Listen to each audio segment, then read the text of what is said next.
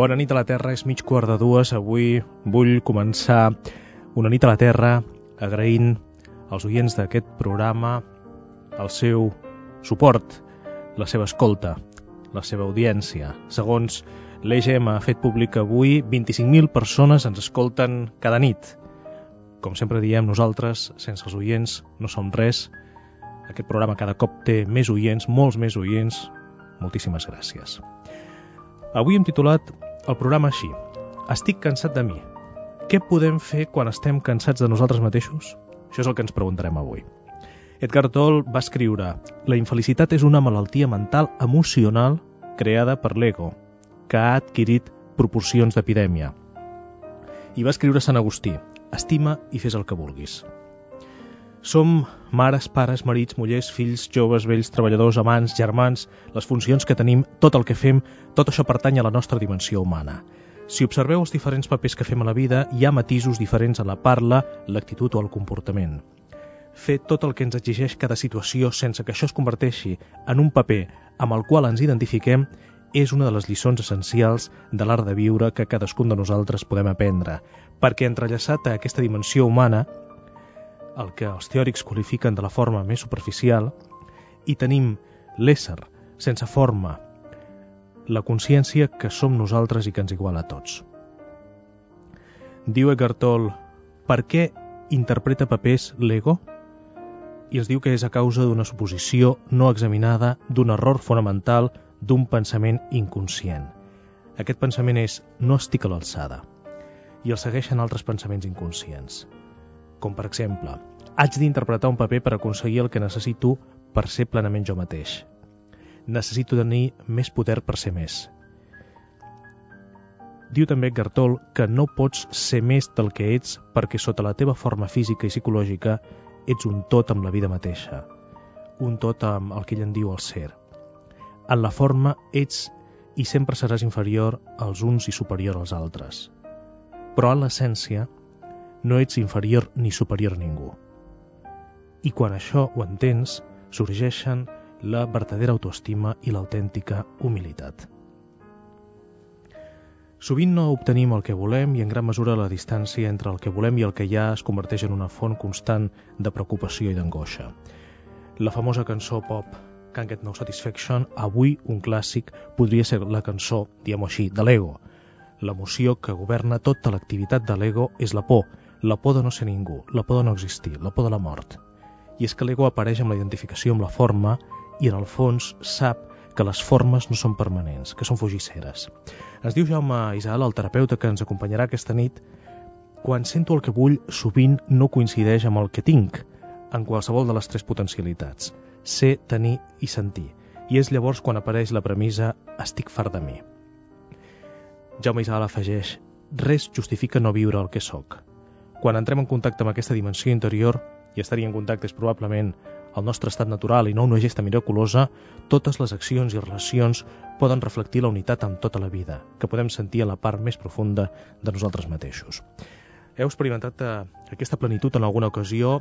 Us sentiu en algun moment cansats de vosaltres mateixos? Quan us sentiu cansats de vosaltres mateixos? Què heu fet?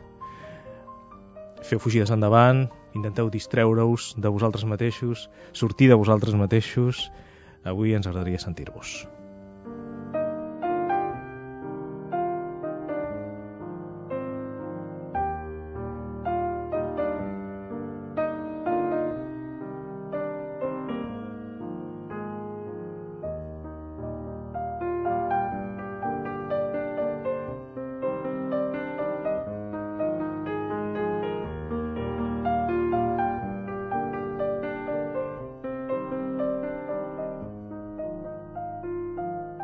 Una nit a la Terra, amb Gaspar Hernández. Se você disser que eu desafio no amor, saiba que isto em mim provoca imensa dor. Só privilegiados têm ouvido igual ao seu. Eu possuo apenas o que Deus me deu. Se você insiste classificar meu comportamento diante musical, Eu mesmo mentindo devo argumentar que isto é bossa nova, que isto é muito natural. O que você não sabe nem sequer pressente é que os desafinados também têm coração. Fotografei você na minha Rolleiflex, revelou-se a sua enorme gratidão. Só não poderá falar assim do meu amor. Ele é o maior que você pode encontrar. Você com a sua música esqueceu o principal. Que no peito dos desafinados, no fundo do peito bate calado. No peito dos desafinados também bate um coração. Se você disser que eu desafino amor, saiba que isto em mim provoca imensa dor. Só privilegiados têm ouvido igual ao seu. Eu possuo apenas o que Deus me deu. Se você insiste em classificar meu comportamento diante musical. Eu mesmo mentindo devo argumentar que isto é bossa nova, que isto é muito natural. O que você não sabe nem sequer pressente é que os desafinados também têm coração. Fotografei você na minha Rolleiflex. Revelou-se a sua enorme ingratidão. Só não poderá falar assim do meu amor. Ele é o maior que você pode encontrar. Você com a sua música esqueceu o principal e no peito dos desafinados, no fundo do peito bate calado. No peito dos desafinados também bate um coração.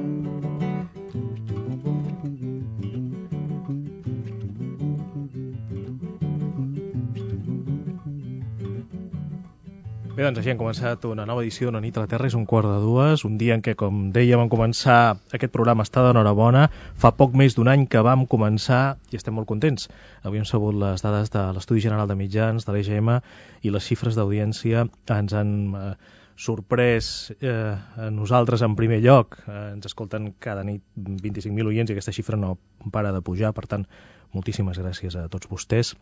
Els recordo, per cert, que aquest divendres a la llibreria Excel·lents de Barcelona a les 6 de la tarda presentarem el llibre del programa, el, llibre de les emocions. El presentarà en Jordi Llavina, col·laborador d'aquest programa, eh, i esperem trobar-nos allà cara a cara amb alguns oients els quals no, no podem veure les cares tant de bo, ens agradaria veure'ls a tots 25.000, no? però això serà impossible, però això eh, sí, que, sí que espero que ens retrobem o que ens veiem per primera vegada aquest divendres a la llibreria Excel·lents a les 6 de la tarda. Jaume Isal, bona nit. Hola, bona nit. En Jaume a aquella hora estarà treballant. Doncs no, a aquella hora no estaré treballant. A aquella hora estaré a Girona, que mm. aquest cap de setmana tinc un retiro de, bueno, de, de meditació i tècniques d'interiorització a, a prop de Girona. Interessant. I, i estarem preparant allà ja la jornada del cap de setmana. Com estem, Jaume? Fantàsticament bé.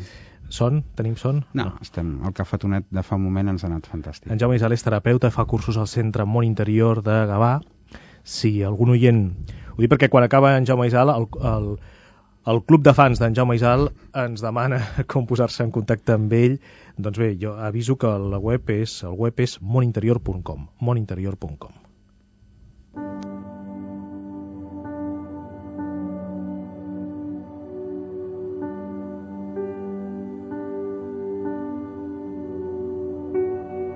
I a partir de les dues a una nit a la Terra avancem alguns continguts, vindran amics coneguts i saludats. Avui Antoni Travaria i Jordi Busquets parlant de el Nadal i els estats d'ànim associats al Nadal. Com ens canvia l'estat d'ànim per Nadal, per bé o per mal. I després les lliçons de vida amb Jordina Terré, aquesta setmana parlant de la teràpia floral de les flors de Bach. i els mails d'amor amb Jordi Llavina.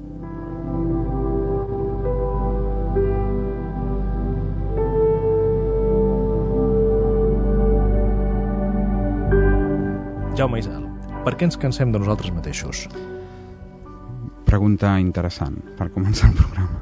Ens cansem perquè la majoria de vegades anem carregats amb coses que no som nosaltres. Ja n'hem parlat alguna vegada de tot això, d'aquest jo profund o d'aquesta essència que som, de la que perdem contacte en el moment que comencem a rebre informació externa o exterior a nosaltres eh, sobre el que som o l'opinió que els altres tenen de nosaltres.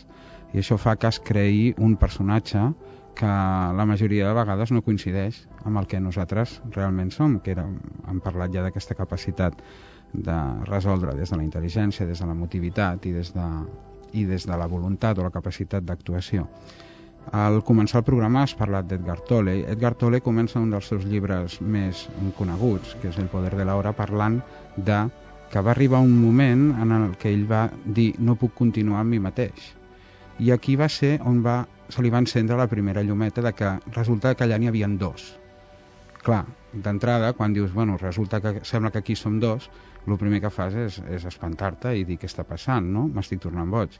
Però realment, eh, al, a l'adonar-te'n que hi ha una contradicció entre el que a tu t'agradaria moltes vegades i el que és, et permet començar a portar al conscient que precisament aquesta dualitat és el que crea la tensió i és el que crea les pors i és el que crea l'observació de que no sempre podem aconseguir allò que nosaltres creiem que necessitem. I perdem la capacitat de resoldre totes les coses que van arribant des d'aquest fondo.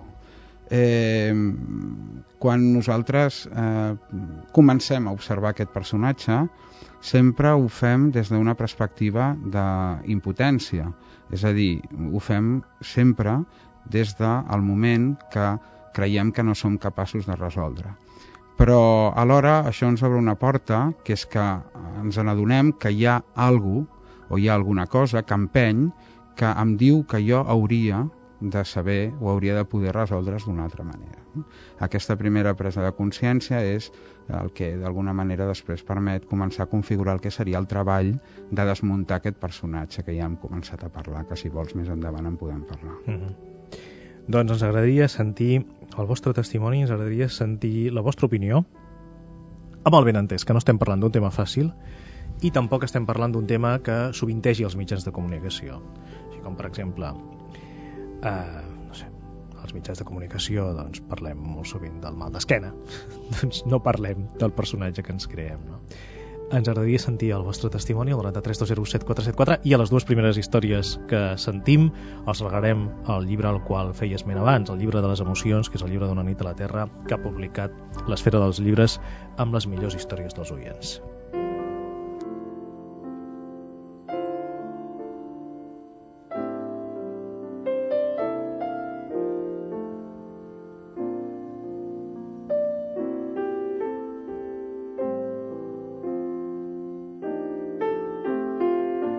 Per alliberar-se de l'ego només cal percebre'l conscientment, perquè la percepció conscient i l'ego són incompatibles.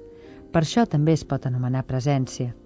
El propòsit final de l'existència humana, és a dir, el teu propòsit, és dur aquest poder a aquest món. Per això alliberar-se de l'ego no pot ser un objectiu aconseguir en algun moment del futur. Només la presència et pot alliberar de l'ego i només pot estar present ara, no ahir ni demà. L'ego sempre vol alguna cosa de l'altra gent o de les circumstàncies. Sempre hi ha una agenda oculta. Sempre hi ha un sentiment d'encara no en tinc prou, d'insuficiència i de manca que vol ser satisfet. Doncs un text d'Eckhart Tolle precisament al qual fèiem esment.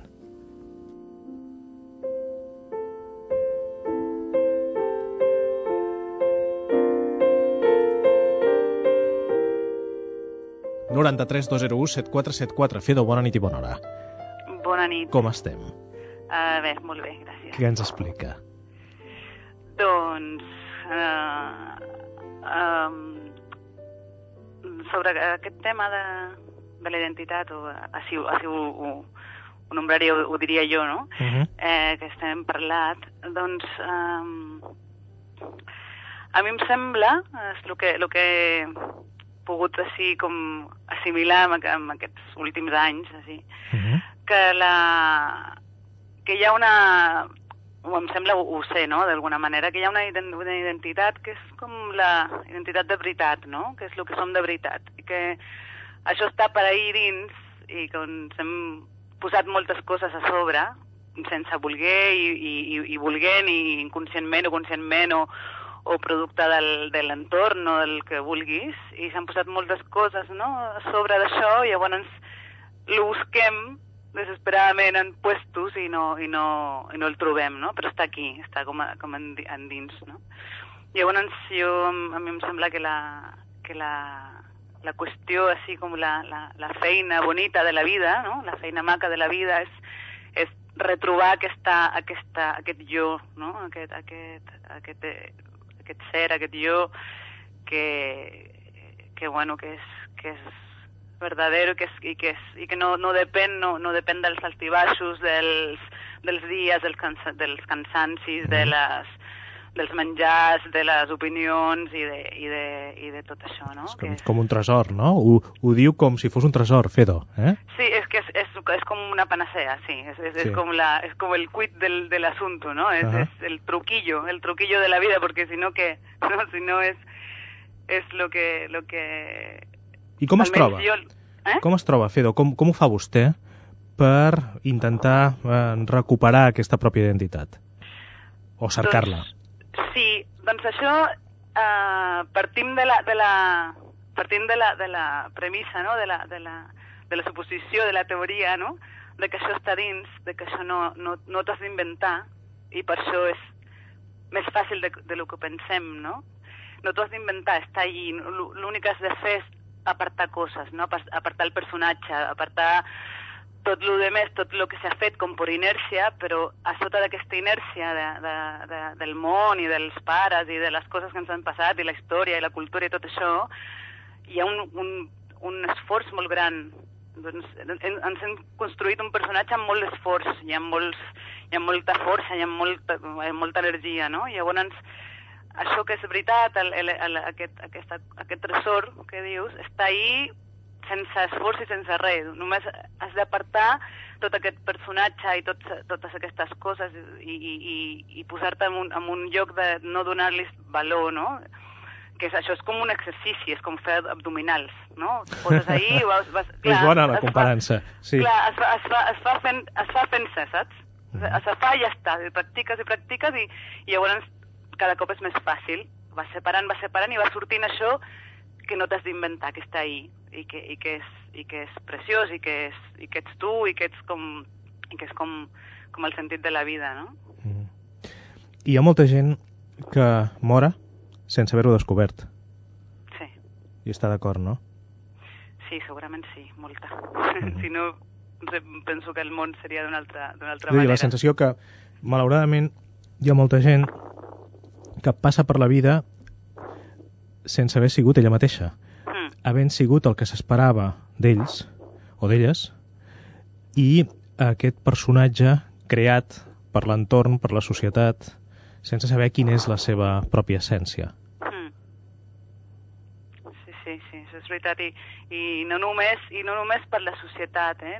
Jo, eh, eh, em sembla que si un va una mica més enllà, és encara més fàcil de, de, de poder desxifrar aquest, aquest, aquest, eh, aquest, aquest misteri, no? Aquest, aquest, aquesta, aquesta cosa que, que, que ens, ens envolta, així, no? Que, Mm. que és que, clar que ens hem fet un personatge del, del que ens demana la societat o la família o el que sigui, no? Però som nosaltres el que, el, els que hem dit sí a, aquest, a aquesta exigència. Ja.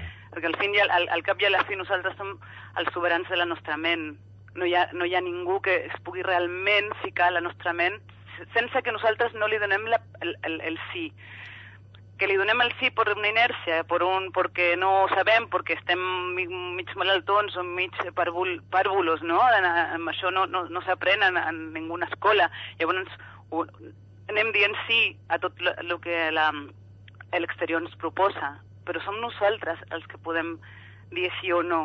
Al, al, al, al, fin i al cap, diguem, que, que està bé poder recuperar aquesta, aquesta res- responsabilitat sense culpa, no?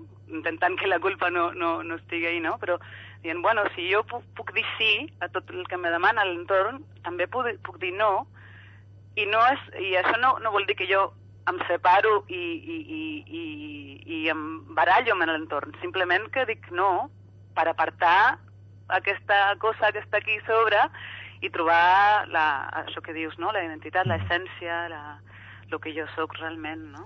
Doncs Fero, moltíssimes gràcies per l'aportació. Ara en parlem i donarem pas també a altres oients que tingui una nit plàcida. Bona nit. Moltes gràcies a tu. Bona nit.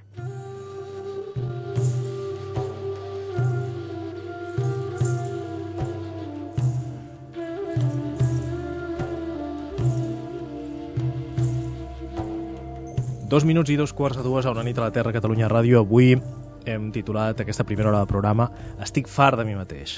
Si us sentiu identificats amb aquest anunciat i goseu trucar-nos per explicar-ho, 93 201 7474.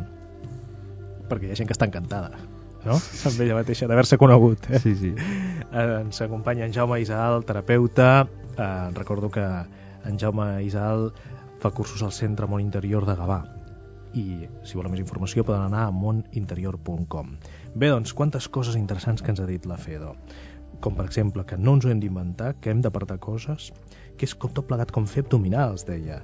Sí, sí, totalment d'acord. Jo sempre que parlo d'aquesta tècnica que jo li dic plenitud harmònica i que està basada en el treball de l'Antonio Blai Foncoberta, un psicòleg, el primer psicòleg que va parlar de tots aquests temes aquí i que, bueno, bueno, ell deia que no volia crear escola però tot el que ha deixat és fantàstic i és un treball en el que molts terapeutes ens recolzem per, per tirar endavant aquests projectes eh, jo ho presento així, com una gimnàsia mental. No és ni una filosofia, no és una manera, no és una religió, ni, tan sa- ni una manera de veure la vida, sinó és senzillament una sèrie de pautes que amb la mesura que més practiques, més aconsegueixes arribar a desconnectar d'aquest personatge i a donar-te compte de, del que realment ets. Quan la Fedor deia, parlava d'això, parlava de, de mirar dintre, eh, Bé, eh, jo, si voleu, ara us puc parlar de, de quatre punts molt concrets que nosaltres podem aprofitar per intentar, per intentar ser cada vegada més conscients d'aquest personatge que a vegades interpretem i amb qui ens confonem i que no ens permet ser o respondre a les situacions de, eh, des d'aquest jo profund en capacitat de resoldre, no? Aleshores, una, un punt molt important és estar molt aguait a l'observació del personatge. L'obs- L'observació del personatge es basa... El personatge sempre es basa amb el jo nen.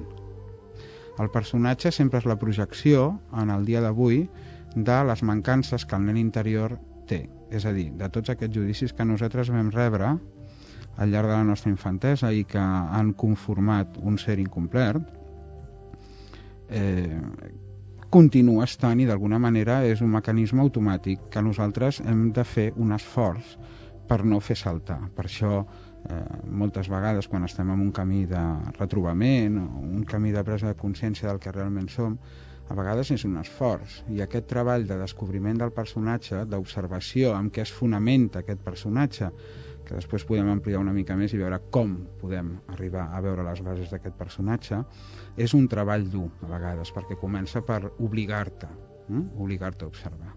El segon punt fonamental és que hi hagi una eh, actitud profunda de creure realment que som aquestes tres potencialitats. És a dir, és obligatori que nosaltres, en lo més íntim, podem o puguem arribar a creure'ns que som capacitat de resoldre voluntat, emotivitat i que som eh, intel·ligència. Com ha dit això? Sí. Pot tornar a repetir? Sí. Què som? A veure què som. Aquest pou de voluntat, uh -huh. és a dir, capacitat d'actuació, intel·ligència, és a dir, capacitat de saber què fer, i emotivitat, Uh -huh. que vol dir resoldre des de l'amor, per mi i pels altres, des de la comprensió i des del perdó, que també és algo molt important. Aquest convenciment hi ha de ser. Evidentment, mm, nosaltres no sempre podem actuar des d'aquest fondo, perquè estem la majoria de vegades confonent la nostra realitat amb el personatge. Però sí ha d'haver-hi un convenciment profund de que som això. Ha d'haver-hi la il·lusió, ha d'haver-hi la necessitat. I moltes vegades, com més malament ho has passat, més fàcil t'és creure't, obligar-te a creure't que ets un focus profund d'amor, de voluntat i d'intel·ligència, encara que sembli el contrari.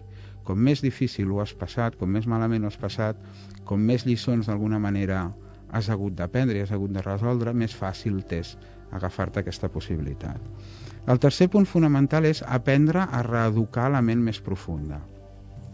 Hem vist, primer, observar el personatge, observar amb què es fonamenta, quins són els objectius, què és allò que vull, què és allò que no vull. En segon punt, una actitud positiva, profunda, basada en que sóc aquestes tres potencialitats i ara estem en el punt en el que hem de reeducar. És a dir, tot això que ara estem aprenent i que volem creure que som, hem de canviar aquest automatisme del nen interior, aquest automatisme del, del jo profund, que encara ens fa saltar davant de les circumstàncies que jo crec que no puc arribar a resoldre. Eh, podem veure el que sóc, però si jo no sóc capaç d'actuar des de que sóc, no sóc capaç de créixer. És a dir, el sentir no fa créixer, el que fa créixer és actuar des del que sento. És el que realment em permet que aquesta experiència vagi cada dia elaborant més mm, aquesta observació d'aquest personatge i deixant de ser personatge em vaig apropant a aquest jo profund i arribar a aquest punt d'unitat entre el que és el conscient i l'inconscient d'alguna manera aquest, aquesta capacitat, aquesta voluntat d'actuació amb el que jo sóc ara que és el que, el que em permet respondre i liquidar la situació. Sembla, o sigui, sembla com si aquest jo profund el poguéssim definir en funció de tot el que no és.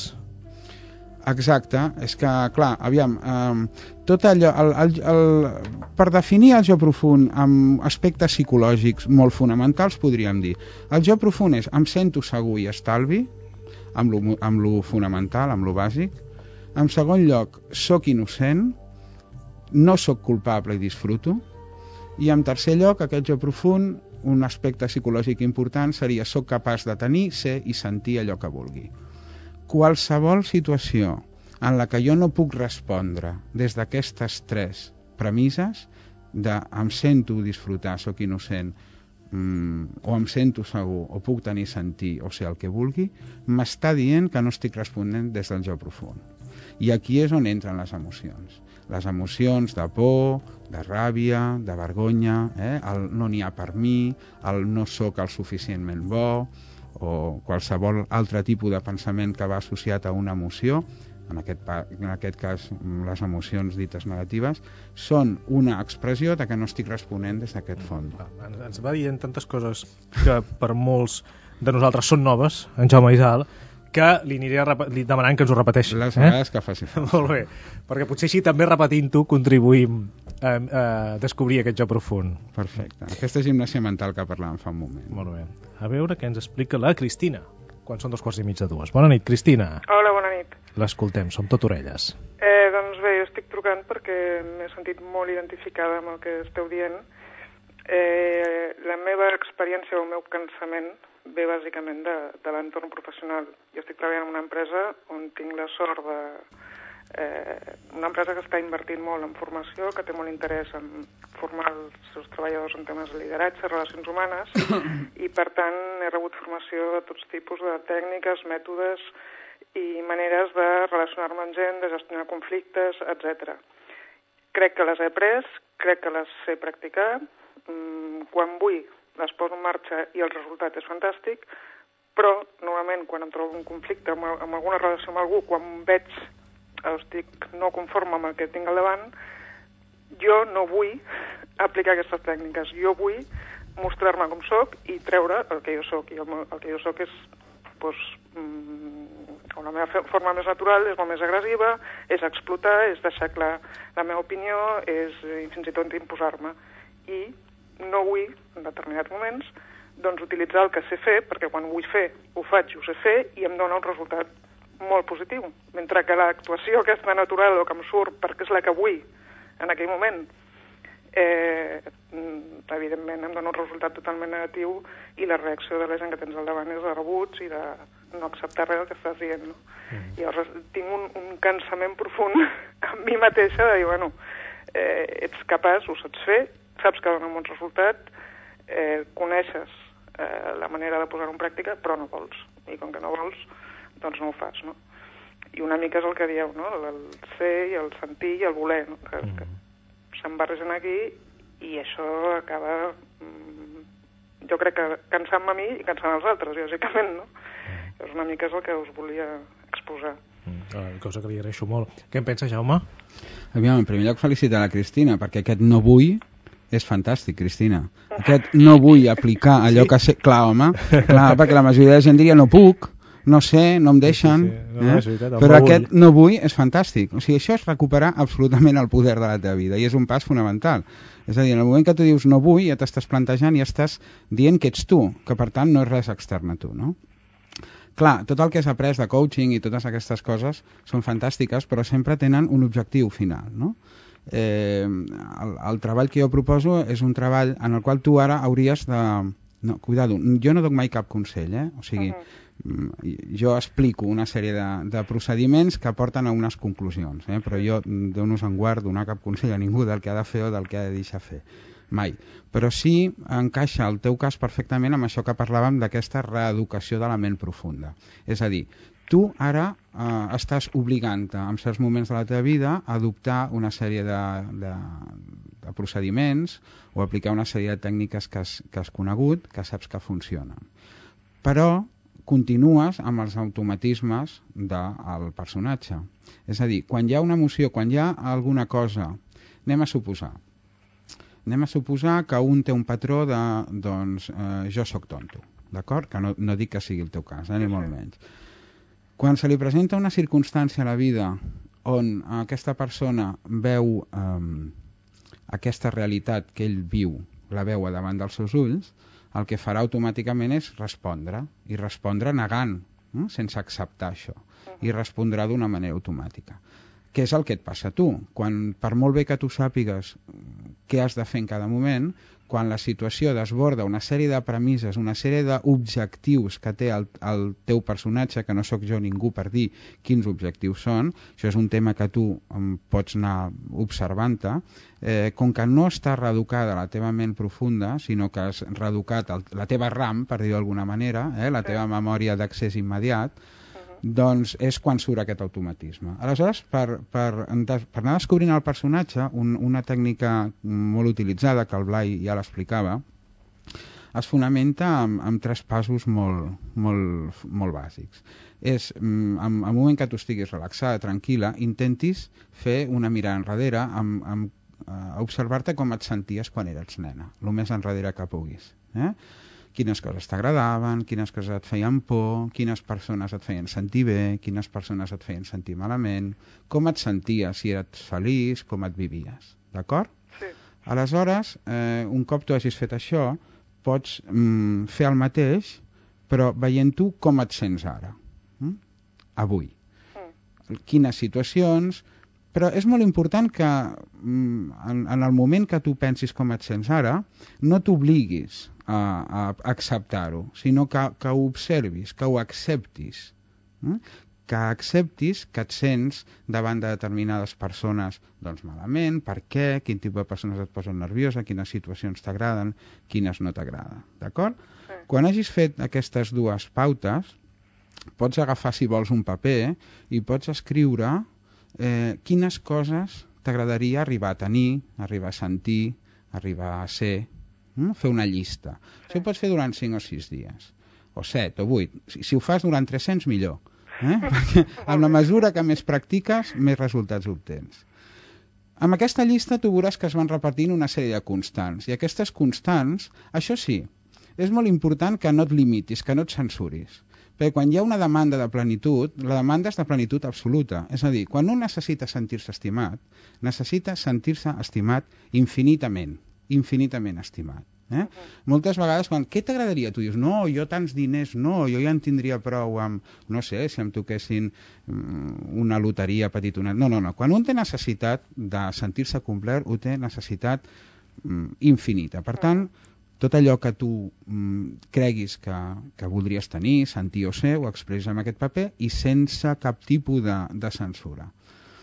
Un cop hagis fet aquest paper, veuràs que totes les coses que tu hagis apuntat tenen a veure amb qualsevol d'aquests tres aspectes, amb el tenir, amb el sentir o amb el ser. I cada un d'ells tindria que veure amb l'aspecte emotivitat, amb l'aspecte intel·ligència o amb l'aspecte eh, amor o comprensió. ¿vale? Uh -huh. Un cop tu hagis observat això, estaràs veient les bases del teu personatge. El teu personatge es fonamenta a la recerca d'això. Per tant, tu ara t'estàs vivint com al contrari del que estàs buscant.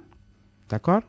I això ja et permetrà, poquet a poquet, prendre més consciència d'aquest jo, d'aquest jo idea. Jo he pres apunts, però... Sí, cosa que...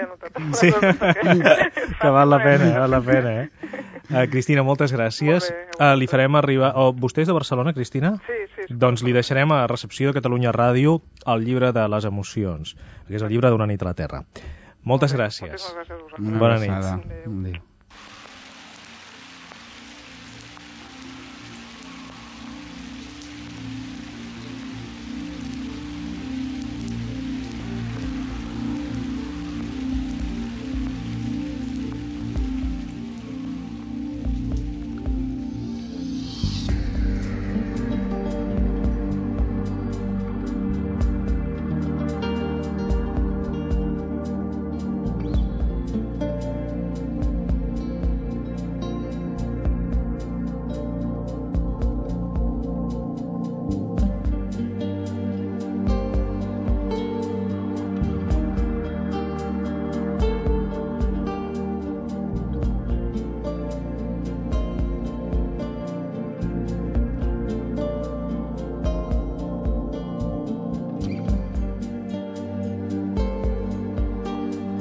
Pràcticament tres quarts de dues, una nit a la Terra, Catalunya Ràdio. Avui estic fart de mi mateix. Així ho hem titulat, aquesta primera hora de programa, amb Jaume Isal, terapeuta, recordant als oients que a la segona hora de programa parlarem del Nadal i els estats d'ànim amb Antoni Travaria i amb Jordi Busquets, de les flors de Bach, de la teràpia floral, amb Jordina Terré i de l'amor, amb Jordi Llavinar, els mals d'amor.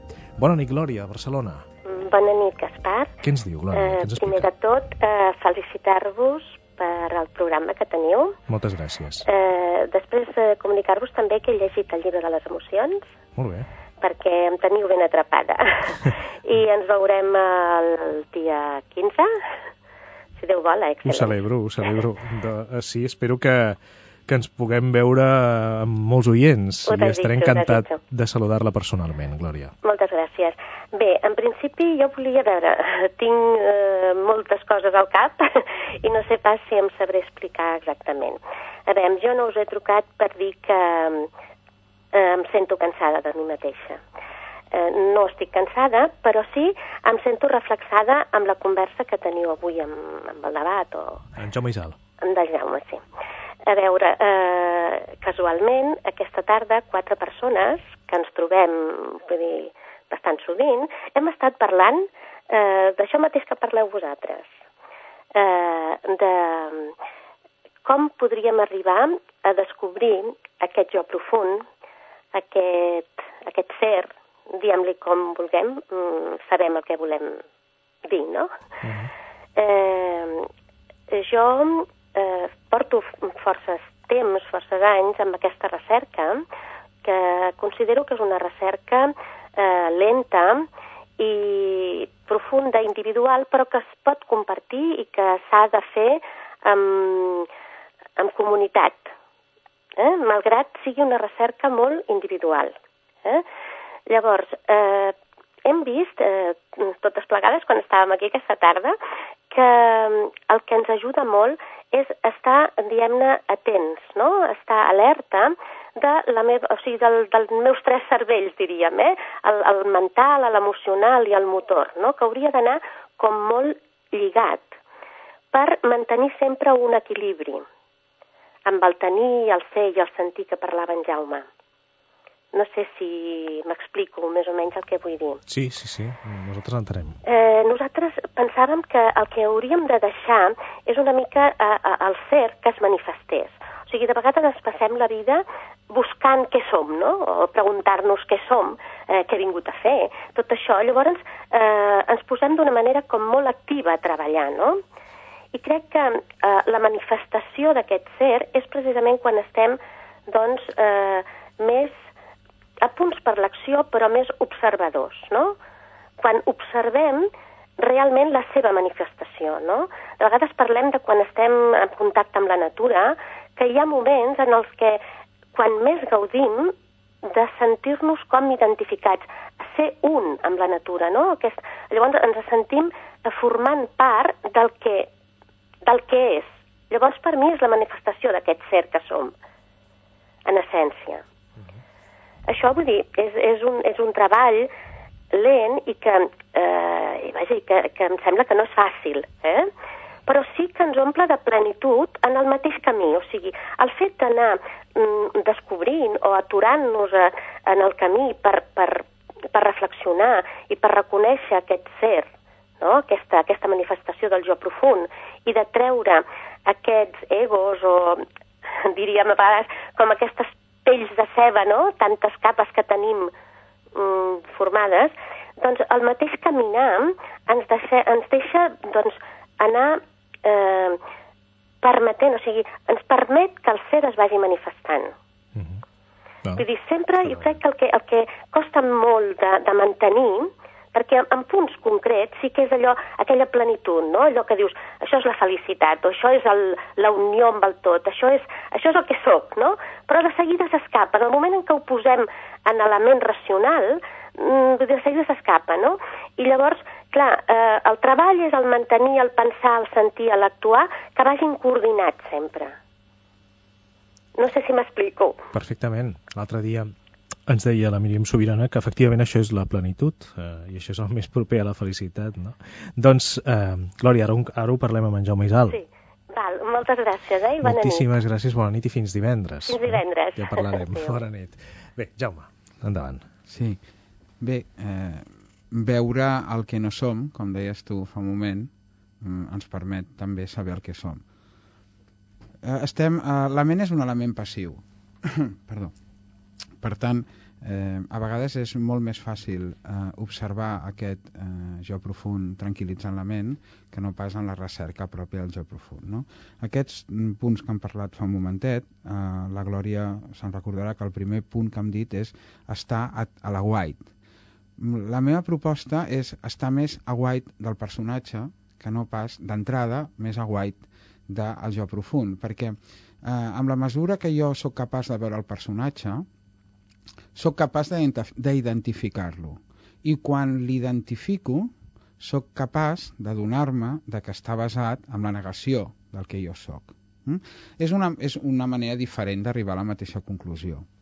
Eh, tranquil·litzar la ment és complicat i el personatge està a la ment. En el cor hi ha el jo profund, no? aquesta capacitat de resoldre des de la voluntat, des de l'emotivitat i des de l'actuació. Aleshores, amb aquesta primera observació d'aquest jo infantil, que és el, el que, el, aquesta ment conscient que nosaltres vam començar a elaborar a partir dels judicis dels altres, és on comencem a observar a on es trenca la unitat, a on hi ha la primera dualitat. I la dualitat sempre és tensió. Quan els evangelis parlen de l'expulsió de Dan i Eva del paradís, això de la famosa poma, que molta gent ha associat amb el, aquest pecat original, pecat original sí, amb el sexe i la relació sexual i tot això. És molt més senzill d'explicar. Diu que eh, l'home vivia en comunió amb Déu i estava en el paraís quan? Quan era un. Quan era un, què vol dir? Quan teníem capacitat de resoldre. Mm? Quan mm, arribava una situació i la resolíem. Tot estava bé. A mi em van ensenyar també que aquest arbre d'on es va menjar la poma es deia l'àrbol del bien i del mal, o l'àrbol de la sabidoria. Quan és que nosaltres perdem aquesta unitat? És a dir, quan deixem de ser déus? Quan deixem de, uh, quan deixem de resoldre des del fondo? quan nosaltres classifiquem les coses com a bones i com a dolentes. Per què? Perquè nosaltres diem que una cosa és bona, una cosa és dolenta, quan una ens allunya de l'objectiu que tenim, aquesta serà dolenta, i la bona serà la que ens apropa a un determinat objectiu, aquesta serà la bona. Quan jo he de classificar les coses com a bones o com a dolentes, és que no sóc capaç de resoldre tot allò que arriba a la meva vida des del fondo, sinó que resolc des de la reacció, des de la negació. Mm? Per això, aquesta separació a Déu, aquest perdre la capacitat de portar a la meva vida tot allò que vull, és en el moment que algú va dir això està bé o això està malament. Per què? Perquè vol dir que no ets capaç de resoldre.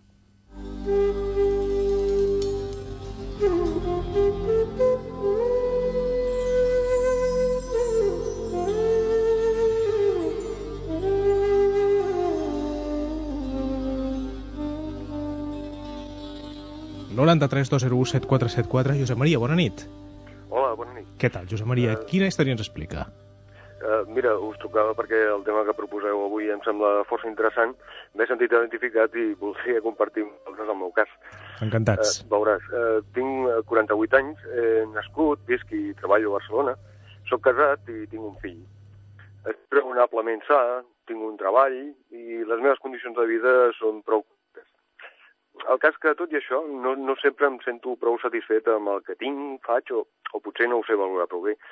Eh, Possiblement és degut al fet que sóc molt exigent a mi mateix, sempre tracto de donar el millor, Mm. no voldria ser una persona mediocre, gris, anònima, que passa per la vida sense deixar cap rastre ni cap empremta amb la gent.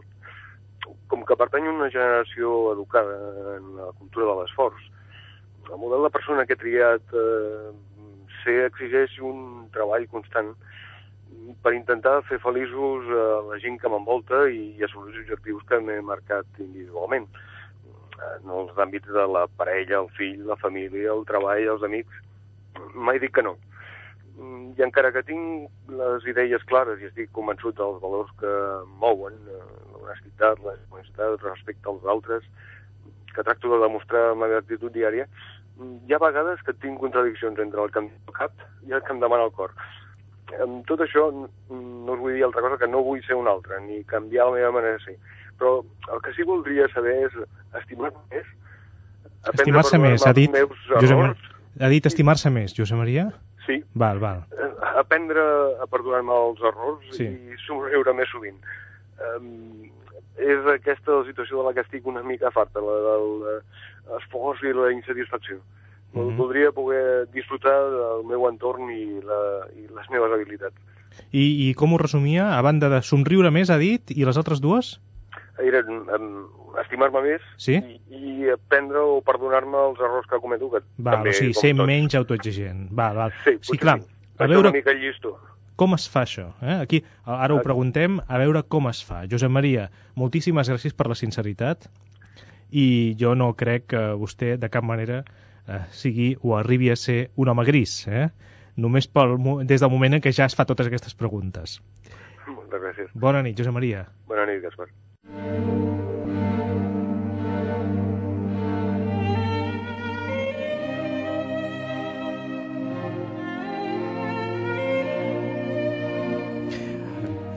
Jaume Izà, alguna pista? Eh? Jo, clar, jo pregunto.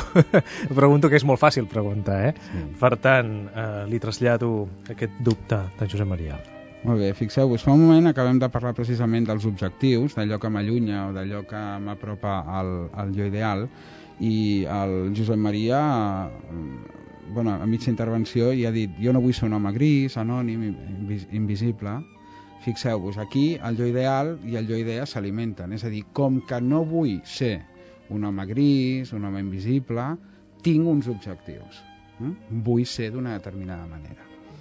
Clar, això ja estem amb el que hem dit fa un moment, no? Eh, hi han coses que m'aproparan, circumstàncies determinades de la vida que m'aproparan a aquest jo ideal, i les voldré i les necessitaré i m'hi entusiasmaré, però totes aquelles que m'allunyin al meu objectiu, és a dir, a no ser un home gris, a no ser un home eh, anònim, seran coses que jo no voldré resoldre, no acceptaré, no deixaré entrar, és a dir, les eh, rebutjaré, no? respondré des del rebuig. Eh, ell ha parlat de perdonar-se. Hi ha una tècnica molt bona que serveix La ment, la, el cos mental eh, és un dels quatre cossos fonamentals de l'ésser humà, cos emocional, cos mental, cos físic i cos espiritual o cos eh, etèric, si volem dir-li així. El, el llenguatge que millor entén el cos mental són les paraules. Allò que ens feien fer el col·le de copiar 100 vegades no tiraré papeles al suelo, té un fonament molt important. El que passa que mai hem de fer eh, afirmacions ni perdons amb la paraula no.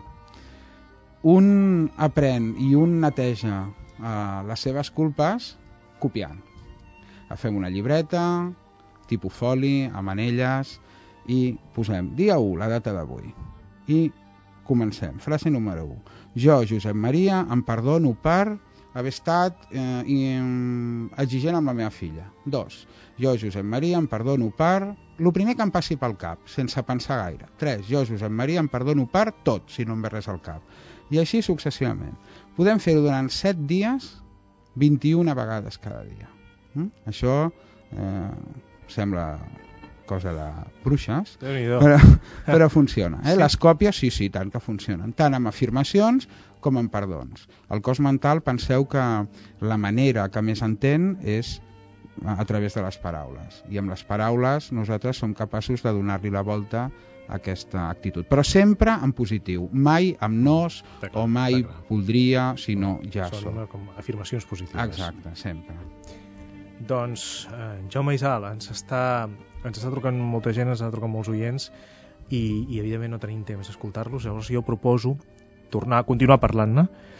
No sé si se'n va aquest Nadal o aquest cap d'any en Jaume fora de Catalunya, perquè si no jo li proposo la primera setmana de gener eh, en cas que sigui aquí que quadri amb la mm. seva agenda, de tornar-ne a parlar. Perfecte. I si no, segur que trobarem el dia just en començar eh, l'any, eh, que és una bona manera, és una, jo crec que és una bona manera de començar l'any, perquè d'alguna manera estem començant amb bons propòsits. Eh? Fantàstic, serà un plaer retrobar-nos. Doncs moltes gràcies i bon Nadal. Jaume. Una abraçada igualment, gràcies.